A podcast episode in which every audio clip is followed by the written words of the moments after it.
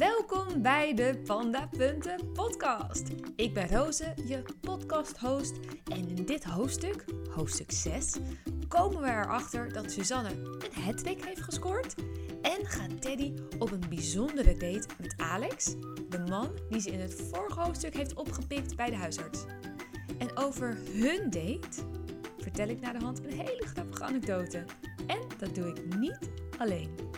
Hey Rosie, uh, je gaat zo meteen je nieuwe aflevering van de podcast opnemen. Hoofdstuk 6, het mooiste hoofdstuk van het boek natuurlijk. Ja, en, en daar heb ik nog wel wat vragen over eigenlijk. Um, hoe weet jij nou niet dat die avond gelopen is zoals die gelopen is? En hoe weet jij nou niet meer uh, dat wij voor die kroeg samen hebben gestaan en samen hebben gezoend? En wat je nog wel heel goed weet, is dat er een snackbar naast die kroeg was. Ja, ik hoor het mezelf uitspreken en denk ik, ja, ik kan alleen bij mezelf te raden gaan. Maar dat is toch wel de vraag die ik, uh, de meest prangende vraag voor mij. nou, en antwoord op deze prangende vraag hoor je aan het einde van de podcast. Maar nu eerst veel plezier met hoofdstuk 6.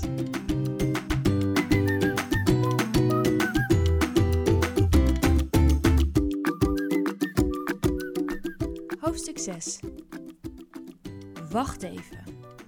Jij pikt een man op in de wachtkamer van je huisarts?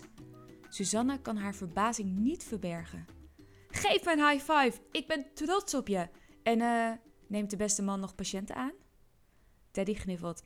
Geen idee. Het is wel echt zo'n goeierd die bij het minste of geringste meteen een recept voor drugs uitschrijft. Oh, en uh, voel je alweer beter? Mengt Maartje, die net is komen aanlopen, zich in het gesprek. Zeker, de koorts is weg, mijn snot gedraagt zich weer normaal en ik kan weer nadenken in rechte lijnen. hey, Maartje, had je al gehoord dat uh, Tedje hier vorige week op date is geweest? Nee? Toen je ziek was? Oh, is de viking zuster komen spelen? Nope, die is skiën in Aspen. Ik kwam uh, Alex tegen in de wachtkamer van mijn huisarts. En toen hebben we een koffietje gedaan. Welke Alex? Jouw Alex, je buurman, die je tijdens oud en nieuw aan me wilde voorstellen. Alex? Echt? Yes! Oh, helemaal leuk dit. Wacht, hè? Hoe kennen jullie elkaar dan? Nou, ik zat een beetje te sterven in de wachtkamer. Uitgelubberde joggingbroek, geen make-up, haar in een smoezelig knotje, de hele rambam. En hij herkende me en vroeg me mee uit. Maartje komt bij Teddy op het bureau zitten. En toen? Mm, toen zijn we een koffietje gaan drinken. Of in mijn geval een muntthee. Voordat ik mezelf in quarantaine opsloot met mijn goede vriend Antibiotica. Maartje buigt zich dichter naar Teddy toe en pakt een oorlelletje van haar vast. Sinds wanneer heb jij gaatjes in je oren? Teddy begint te blozen. Mm, sinds dinsdag. Ik was een beetje high van de voorgeschreven pijnstillers en verkondigde tegen Alex dat ik dit al heel lang wilde. En toen is hij met me meegegaan. Om mijn hand vast te houden. Nou, knettergek. Dat een piercer iemand pierst die ziek is. Dat is helemaal niet verantwoord. Maar uh, Alex, mijn buurman. Leuk is hij, hè? Gaan jullie elkaar dan nog een keer zien? Jep. Suzanne hangt net een telefoongesprek op.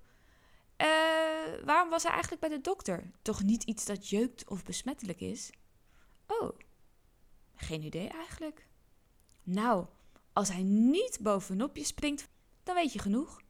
Verder ben je wel echt lekker bezig, Teddy. Zeg maar nee en je hebt er meteen twee. Je theorie dat als je niet zoekt, je juist vindt, lijkt te werken. Teddy kijkt naar haar pandapunten spaarkaart.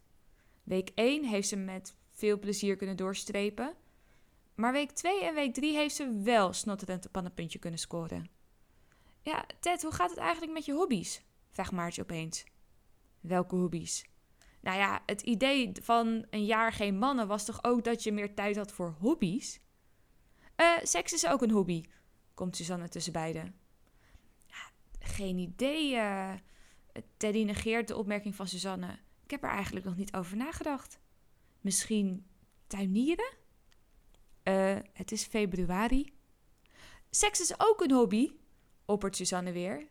Maar misschien fotografie of hardlopen. Maar ik weet eigenlijk nog niet. Om haar gedachten even op iets anders te focussen, roept ze over de afdeling: Hey guys, ehm, ik loop even naar de koolzuurmachine. Wie wil er allemaal een blikje? En weg is ze. Fuck, fuck, fuck, fuck, fuck, fuck, fuck. Het vloept eruit in hetzelfde tempo als dat de blikjes uit Teddy's handen op de grond kletteren. Ze zakt door haar knieën achter de blikjes aan en probeert de frisjes weer in haar armen te nemen. Man, wat is de beste manier om negen ijskoude blikjes te vervoeren? Ze heeft geen zakken, geen dienblad en haar werkplek is twee verdiepingen en drie deuren verder. Teddy ploft op haar kont neer naast het zoemende frisdrankapparaat om een strategie uit te denken. En het liefst één waarbij ze maar één keer hoeft te lopen. Aangeschoten kan ze zonder problemen en met slechts een beetje morsen vijf biertjes vervoeren van de bar naar een dansvloer. Terwijl broodnuchter negen stapelbare blikjes een onmogelijke taak lijkt. Ze staat op, neemt de blikjes weer opnieuw in haar armen en laat wederom er een paar uit de handen kletteren. God. Een zacht gegniffel doet Teddy omdraaien. Zijn mij nou gewoon uit te lachen? zegt ze tegen de onbekende man. Correct. Je zou me in plaats daarvan ook kunnen helpen. Dame in nood, karmapunten, je weet wel. Hij trekt één wenkbrauw omhoog, hurkt en zet de blikjes terug in de koelkast. Of niet, zegt Teddy een beetje geïrriteerd. Ja, uh, het zou zonde zijn als er zometeen een paar computers onder de cola zitten.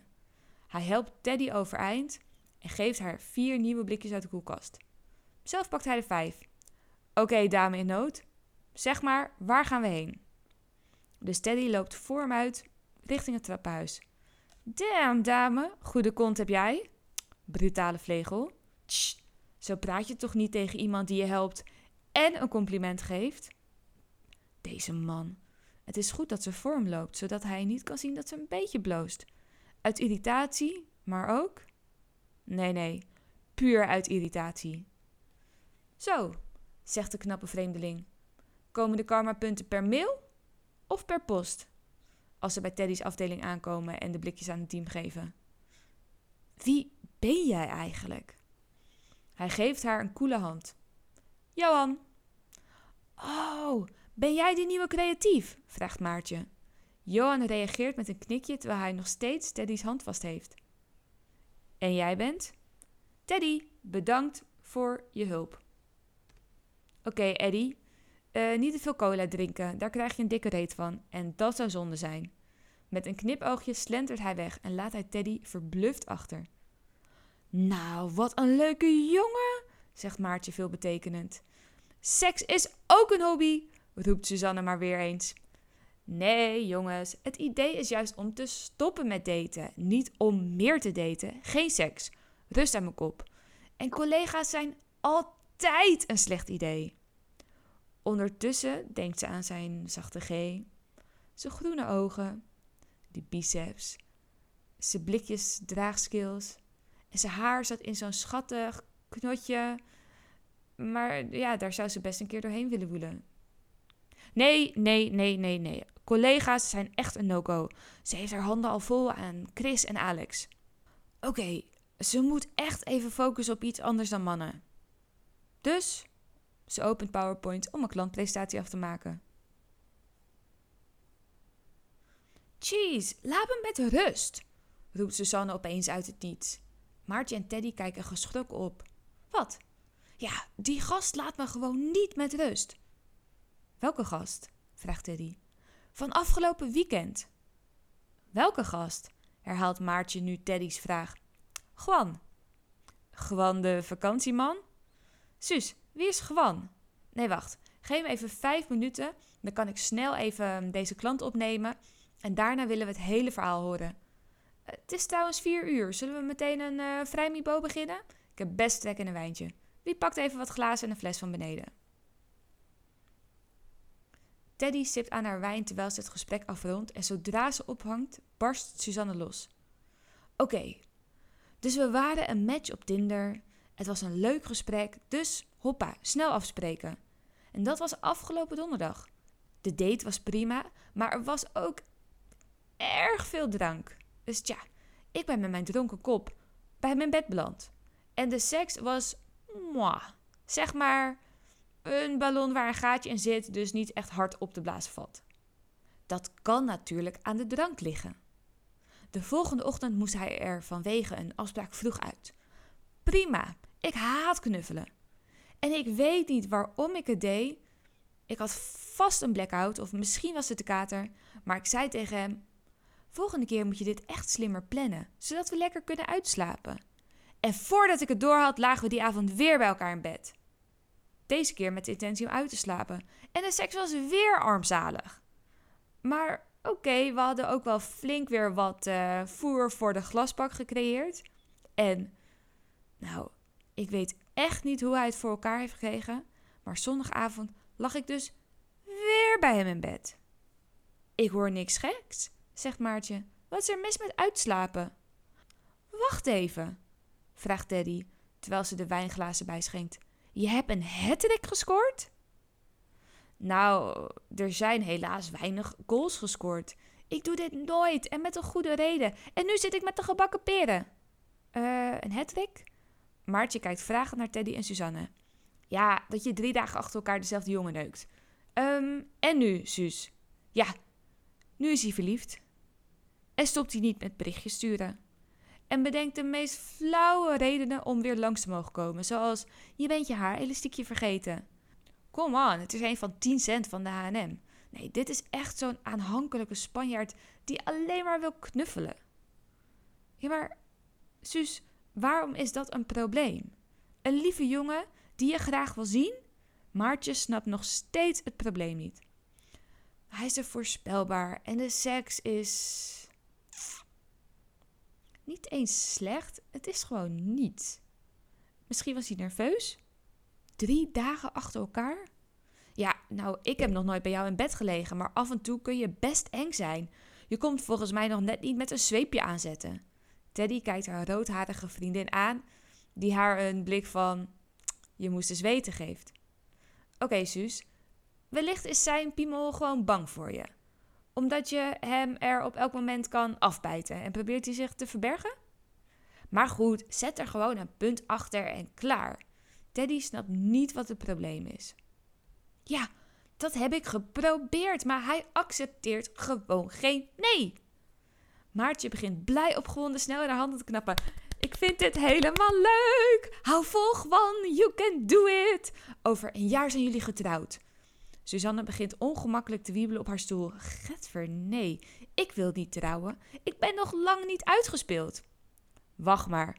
Op het moment dat jij het minst verwacht, ben jij opeens de Sjaak.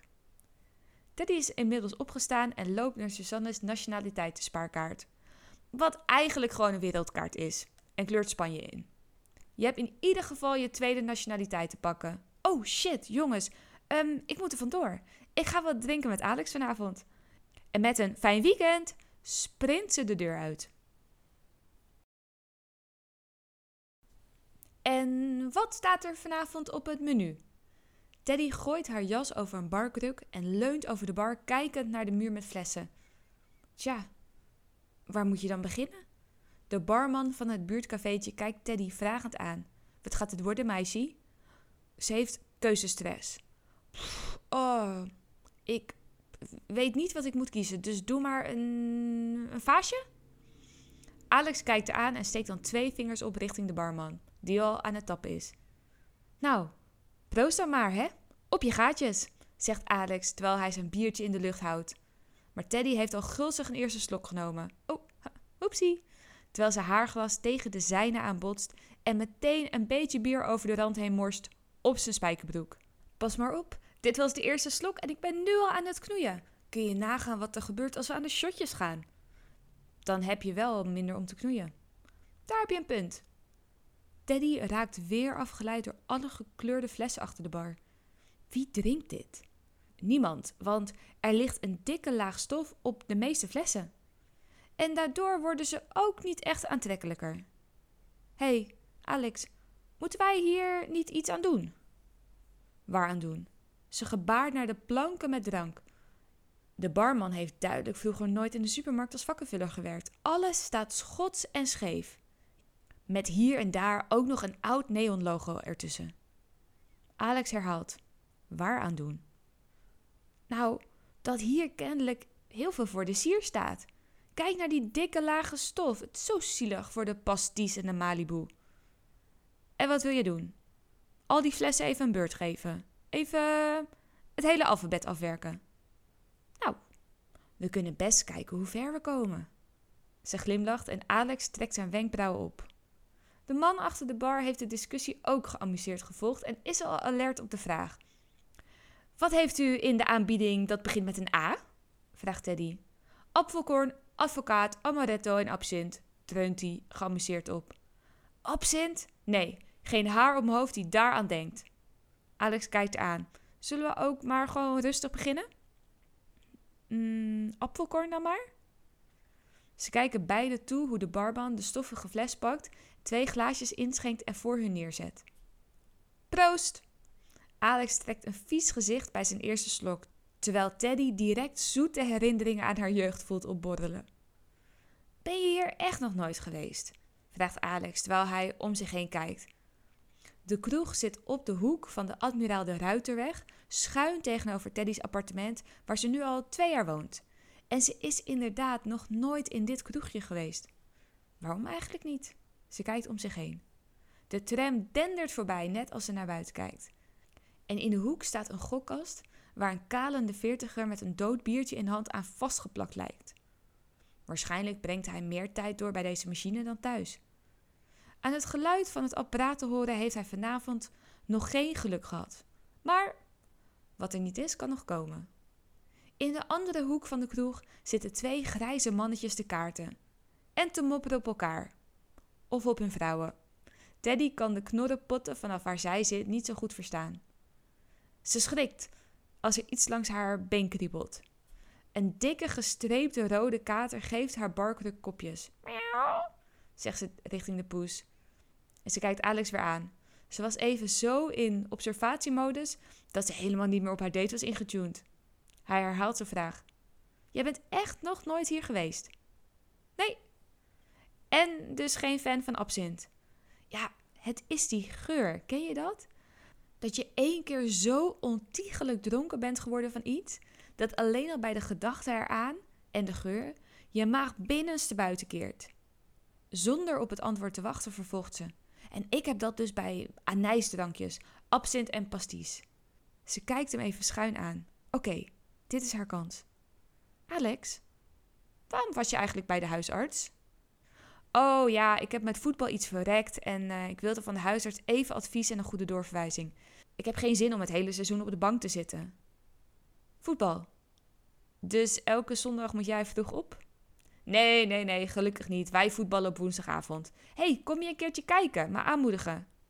Is het waar wat ze zeggen? Geen seks voor de wedstrijd? Alex trekt zijn wenkbrauw op, verbaasd over de plotselinge wending van het gesprek. Uh, geen idee. Ik heb over het algemeen op woensdagmiddag niet zoveel seks. Jij wel? Ah, mijn drankjes op. Uh, snel door met de B. Haha, soepel van onderwerp veranderd. Oké, de B. Wat hebben we daarvoor in de aanbieding? Tja, bier? Paco of um, Baileys? Haar ogen glijden langs de flessen. Volgens mij ben jij uh, stiekem een briezer-type. Stiekem? Niks stiekem. Voorzitter van een fanclub was ik. Ben ik. Ze draait zich weer richting de barman. Meneer, heeft u ook briezers? Van die groene graag. De barman hoeft niet eens te antwoorden, zijn blik zegt al genoeg. Oké, geen briezers. Baileys dan maar? Ze kijkt Alex aan, die instemmend knikt. Ze drinken de Baileys iets langzamer. Ze drinken de Baileys langzamer op dan de apfelkorn, maar het tempo zit er goed in. De avond vliegt voorbij en als ze bij de F aankomen, zijn ze al behoorlijk aangeschoten. Als Teddy terugkomt van een plaspauze, moet ze moeite doen om haar balans te houden. En Alex ziet dat Teddy door de drank ook een beetje is gaan loenzen. Misschien moeten we wat eten, om de drank een beetje op te zuigen, stelt hij voor. Nou, nu je het zegt, ik sterf echt van de honger. Uh, meneer de barman, heeft u ook iets te eten? De barman zet een whiskyglas vol met pinda's voor ze neer. De barman zet een whiskyglas met pinda's voor ze neer. Beide grijzen tegelijkertijd een handje eruit en gieten ze de nootjes naar binnen. En kijken elkaar dan aan. Nee, dit gaat geen zoden aan de dijk zetten. Staat er ook nog iets anders dan pinda's op het menu, meneer? Meisje, kijk eens om je heen. Zit je hier in een sterrenrestaurant? Als je honger hebt, dan uh, is hiernaast een uh, snackbar. Daar kun je een patatje halen. Oh, daar heb ik trek in. En uh, mogen we dat dan hier opeten? Ze knippert een paar keer met haar lange wimpers richting de barman en zet haar allercharmantste glimlach op. De eigenaar kijkt kroeg rond. De oude mannetjes zijn inmiddels weg. En de gokverslaafde heeft echt alleen maar oog voor de fruitmachine. Die zou het niet doorhebben als de wereld om hem heen zou vergaan. Nou, vooruit. Als je voor mij een uh, frikandelletje speciaal meeneemt. Yes! Voetel! Teddy valt van enthousiasme bijna van haar barkruk. Kom, kom, kom! Ze trekt Alex mee aan zijn mouw. Dan leunt ze nog snel even terug richting de bar, pakt het glas met pinda's en giet wat er nog van over is naar binnen. Voor onderweg, zegt ze met haar mond vol. Haar date volgt haar gewillig naar buiten. De snackbar zit letterlijk naast de kroeg en is gelukkig nog open, ondanks dat hij net als de kroeg leeg is. De deur pingelt en waarschuwt de dienstdoende frituurder dat er volk is. Hoi, hallo, goedenavond meneer, wij willen graag iets eten. Um, dan zijn jullie hier op het juiste adres. Ja, top, top, ja, top, ja, top, top. Um, wat mag het zijn? Een uh, frikandel speciaal en... Teddy kijkt dronken naar de verlichte plaatjes die boven de toonbank hangen. En ze moet een beetje met haar ogen knijpen om te focussen en goed te zien wat deze toko in de aanbieding heeft. Onzin natuurlijk, want ze bestelt gewoon een, een patatje met mayo. En ze kijkt Alex aan. En een kroket en nog een patat, maar dan speciaal, vult hij haar aan. En uh, doe ook nog maar een. Dat was het, geloof ik. Of wil jij er ook nog iets bij? En ze kijkt Alex weer vragend aan. Nee, ik ben oké. Oké, dat was het. En ze trekt haar pinpas tevoorschijn om af te rekenen. Terwijl de frietflipper aan het werk gaat, leunt Teddy tegen Alex aan. Ik vind dit leuk, fluistert ze in zijn oor. Hij pakt haar steviger vast en tilt haar kin iets omhoog. Top deed dit, mompelt hij, waarna hij haar zachtjes op de mond zoent. De honger slaat opeens om in iets heel anders dan frituurvet. Een hard kuchje van de eigenaar doet ze beseffen dat ze staan te tongen midden in de lege snackbar, belicht door neon van het menu en de TL-buizen. Ze kijken elkaar aan en beginnen tegelijkertijd te lachen om de absurde setting. Eh, wij wachten buiten wel even. Teddy duwt Alex subtiel naar buiten, waar hij haar niet zo subtiel tegen de muur aanduwt om hun tongsessie voor te zetten. Alle schaamte voorbij, dankzij de smerige mix van alcohol die door hun bloed stroomt. Alex' handen woelen haar kapsel door de war en haar handen hebben zijn goed gevormde kont gevonden. Duidelijk de kont van een voetballer, rond en uh, stevig. En ze mag eindelijk aan zijn krullen zitten, iets wat ze vanaf hun eerste ontmoeting al wilde. En het voelt een beetje als een schaap die heel veel conditioner heeft gebruikt. Maar dan sexy. Een geklop op het raam doet ze weer beseffen dat ze op straat staan en honger hebben. De snackbar houdt een wit plastic tasje omhoog. Dinner is served. Ja, de een snijdt zijn frikandel. De een snijdt zijn frikandel in stukjes. De meeste mensen doen het in happen, maar de barman die schuift het stuk onidentificeerbaar vlees in één stuk naar binnen. Met nog een uitje en wat curry in zijn mondhoek vraagt hij: De F was voor frituur. Door met de G? Beide bestuderen ze de flessen terwijl ze hun frituur naar binnen smikkelen, maar kunnen niets met de G ontdekken. Het gezoen in de winterkou en hun midnight snack heeft ook het ontnuchteringsproces versneld. Uh, dan maar even een bierpauze, stelt Alex voor. Oh, ik heb eigenlijk best een after-dinner dipje. Hoe laat is het eigenlijk? De barman antwoordt: Het is bijna één uur. Dit wordt jullie laatste drankje, jongens. Daarna ga ik sluiten. Teddy kijkt hem sip aan. Oh, we zijn pas bij de G. Nou kinders, dan moeten jullie gewoon nog maar een keer terugkomen. Buiten begint Teddy te gapen en ademwolkjes ontsnappen uit haar mond. Het is gaan vriezen en ze kruipt dichter tegen Alex aan. Ze probeert cirkeltjes te ademen, maar voordat ze een serieuze poging kan doen, vindt Alex zijn mond weer de haren. En zoenen is veel beter dan luchthappen. En zo staan ze een tijdje op straat, totdat ze opnieuw een gaap niet kan onderdrukken. Is zoenen met mij echt zo saai? Nee, Alex, sorry, ik ben gewoon echt kapot. Alfabet drinken is zwaar werk. Hmm, cafeïne kan dit oplossen. Doen we nog een koffietje bij jou thuis? Alex gebaart naar de overkant in de richting van haar appartement. Ze wiebelt met haar neus. Andere keer? Oké. Ze hoort teleurstelling in zijn stem, maar ze is zo moe en lam dat ze echt niet meer zou weten hoe het ook alweer werkt. De volgende ochtend ontwaakt ze uit haar alcoholcoma met een steen op haar volle blaas, een mond zo droog als een woestijn en een eentonig hardstelfeest in haar hoofd. Oh, ik drink echt nooit meer het ABC.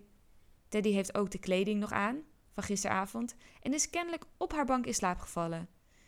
Oké, eh, waar is mijn telefoon? En alsof dat ding haar gedachten kan lezen, begint hij te bliepen.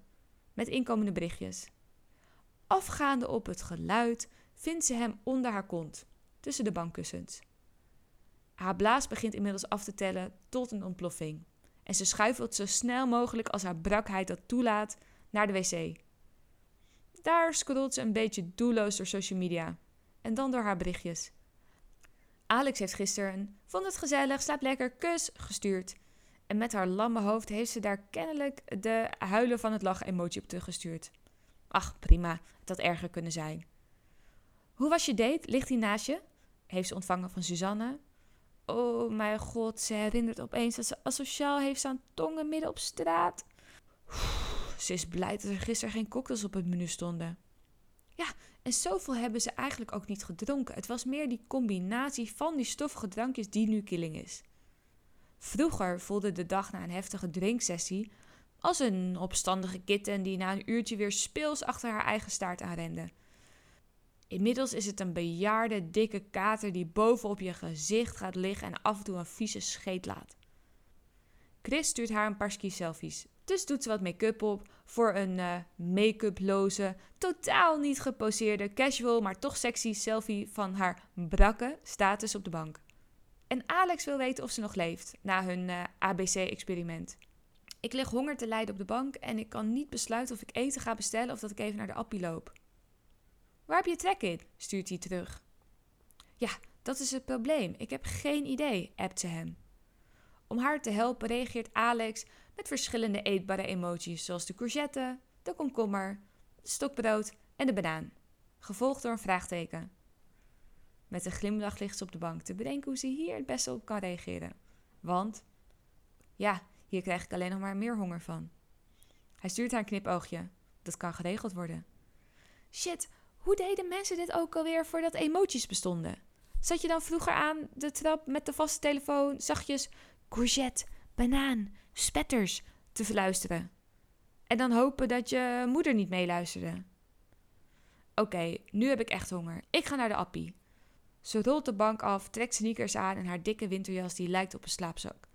Twee straten verder realiseert ze zich dat ze haar pinpas is vergeten. Ja, Drank maakt meer hersencellen kapot dan je lief is. In de supermarkt loopt ze doelloos door alle gangpaden heen in de hoop dat een bepaalde voedselgroep haar aandacht trekt. En twintig minuten later ligt ze weer op de bank met een zak chips, zure een bakje frambozen, Albert Heijn sushi en zit er een pizza in de oven. Ze zet een romantische comedy aan die ze al tien keer heeft gezien en het voelt alsof het geluid haar hersenen in tweeën splitst. Fuck, de rookmelder? De pizza! Ze rent naar de keuken en grijpt de bezem, zodat ze bij het knopje van de paniekstaaier aan het plafond kan. Waarom zit dat ding ook op zo'n ongemakkelijke plek? Met de stilte weer wedergekeerd checkt ze de schade. De randjes van de pizza zijn een beetje verbrand. De onderkant is wat zwart. Maar joh, met een dikke laag knoflooksaus erop proef je daar niks van. Ze knipt haar Italiaanse koolhydratenbommetje in vieren, vouwt het eerste kwartje dubbel en neemt al snel een selfie voor Alex, zodat hij weet dat ze niet van de honger is gestorven. Hij reageert met een goed om te weten dat je tafelmanieren hebt. Dit wil ik wel een keer live meemaken. Vrijdag heb je eten? Ze checkt haar agenda. Yes, vrijdag is perfect. Teddy's telefoon begint weer te bliepen. Deze keer is het Chris. Ik heb zin om je te zien. Wat doe je vrijdag? Shit. Uh, hoe jong leer je twee mannen? En hoe voorkom je dat ze elkaar tegenkomen? En. Oh, dit is juist hetgene wat ze niet wilde. Nou, maandag moet ze maar even Suzanne om advies vragen.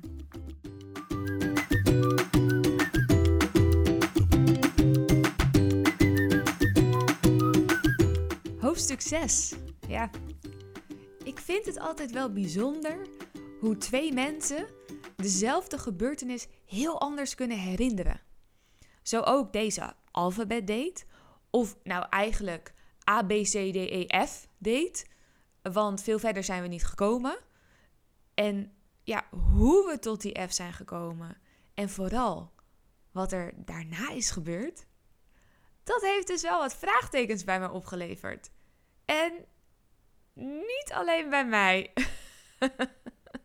hey Rosie, ehm, je gaf zelf ook aan, hoe zijn wij nou maar tot de F gekomen, de letter F, toen wij dat alfabet gingen spelen in die kroeg? Uh, dat is een vraag die ik ook niet helemaal weet te beantwoorden, al meen ik me te herinneren. En dat, uh, dat zou wel een antwoord kunnen zijn. Um, dat wij alle twee een wat andere manier van spelen hadden. Want ik weet namelijk nog wel dat toen wij bij de letter B aankwamen van Bernard, of in mijn geval van bier, want volgens mij zei ik dat toen, dat jij uh, heel enthousiast Blue Curaçao begon aan te wijzen. En als dat daadwerkelijk zo gegaan is, dan, dan vind ik het überhaupt al godswonder dat we tot de F zijn gekomen. Goed, um, een stukje context. Afgelopen zomer was ik de puntjes op de i aan het zetten en bezig met dit hoofdstuk toen iemand mij een DM stuurde. Het is een jongen die echt jaloersmakende foto's maakt, dus ik slide ook geregeld in zijn DM. Maar de timing van zijn berichtje was zo mooi toeval dat ik dacht: ah, het is zeven jaar geleden, maar zou die het nog weten? Dus ik stuur hem, als ik zeg A tot F, weet je dan waar ik het over heb? En uh, nou, zoals je net hoorde, wist de beste man zeker nog waar ik het over had. En besloten we maar meteen opnieuw bier te gaan drinken in diezelfde kroeg, Café de Fluiter, op de Admiraal de Ruiterweg. Een paar biertjes later werd ik voor het blok gezet en mocht ik de geschreven scène voorlezen. Dus ik zit daar op het terras van de Fluiter in het zonnetje, Heineken voor mijn neus en die date van zeven jaar eerder tegenover me. Ik scroll op mijn telefoon door het manuscript naar hoofdstuk 6 en de date. En daarvan is het alfabetdeel echt gebeurd. En de kroeg bestaat dus echt. Maar de rest had ik volledig uit mijn duim gezogen. Tenminste, dat dacht ik. Want net als ik wil beginnen met voorlezen, loopt er een dikke rode kater langs onze tafel. Maar ik dacht dat ik die kat had verzonnen. Die bleek dus hartstikke echt, uh, echt waar te zijn. Nou, toen voelde ik al een beetje nattigheid. Maar goed, ik begin met lezen. En die jongen tegenover me knikt geregeld instemmend. Tot we bij dat tongen in de snackbar aankomen. En ik begin super te blozen. Want ik bedoel, er zit een knappe man naar je te kijken. En jij gaat een soort van fantasie-zoenscène omschrijven. Dus ik zeg: Haha, nou, dit heb ik verzonnen, want wij hebben niet echt gezoend. En hij zegt: Niet in de snackbar, maar wel daar op de hoek. En ik was dus vergeten dat we hadden gezoend. Hoe weet jij nou niet dat die avond gelopen is zoals die gelopen is? En hoe weet jij nou niet meer dat wij voor die kroeg samen hebben gestaan en samen hebben gezoend? En wat je nog wel heel goed weet, is dat er een snackbar naast die kroeg was. Ja, ik hoor het mezelf uitspreken en denk ja, ik kan alleen maar bij mezelf te raden gaan. Maar dat is toch wel de vraag die ik, uh, de meest prangende vraag voor mij. Ja, en ik vraag me dit dus ook nog steeds af. Misschien hebben we niet lang genoeg gezoend. Want als je iets blijvend wil herinneren, moet je het toch heel vaak herhalen. Overigens uh, bleek het zelfs nog veel erger, want die ABC-date was ook helemaal niet onze eerste date. Het was onze tweede. En die eerste was ik ook compleet vergeten. Hij vertelde me dat hij een half uur te laat was en het feit dat ik ben blijven wachten en we nog op tweede date zijn gegaan, ja, dat, dat zegt wel iets. Het is ook wel echt een leuk jongen. En waarom we nooit op derde date zijn geweest, dat heb ik nog even aan een vriendin gevraagd of zij dat misschien nog wist. En zij denkt dat ik in paniek raakte, omdat het een aardige jongen was. En eh, ik daar niet op zat te wachten, omdat ik lekker met een rugzak vol bindingsangst door Amsterdam aan het vlieren fluiten was. Nou goed, onze WhatsApp-gesprekken van destijds hebben we ook niet meer, dus ik denk dat we er nooit zullen achterkomen. Wat ik dus wel iedereen kan aanraden is een alfabet date, zodra de kroegen weer open zijn. Maar neem dan wel een notitieblokje mee om de highlights te noteren, want het maakt echt meer hersencellen kapot dan je lief is. Ja, ik, ik wilde bijna afsluiten met: uh, je weet niet wat je hebt gemist, maar dat, ja, je hebt het niet gemist, maar ik vind het wel jammer dat je het niet meer weet. Voor mij, maar ook voor jou. Uh, maar goed, de frikandel speciaal en de uh, broodje hamburger waren volgens mij ook wel heel erg geslaagd. Dus wat dat betreft, nou ja, toch een beetje eindgoed al goed.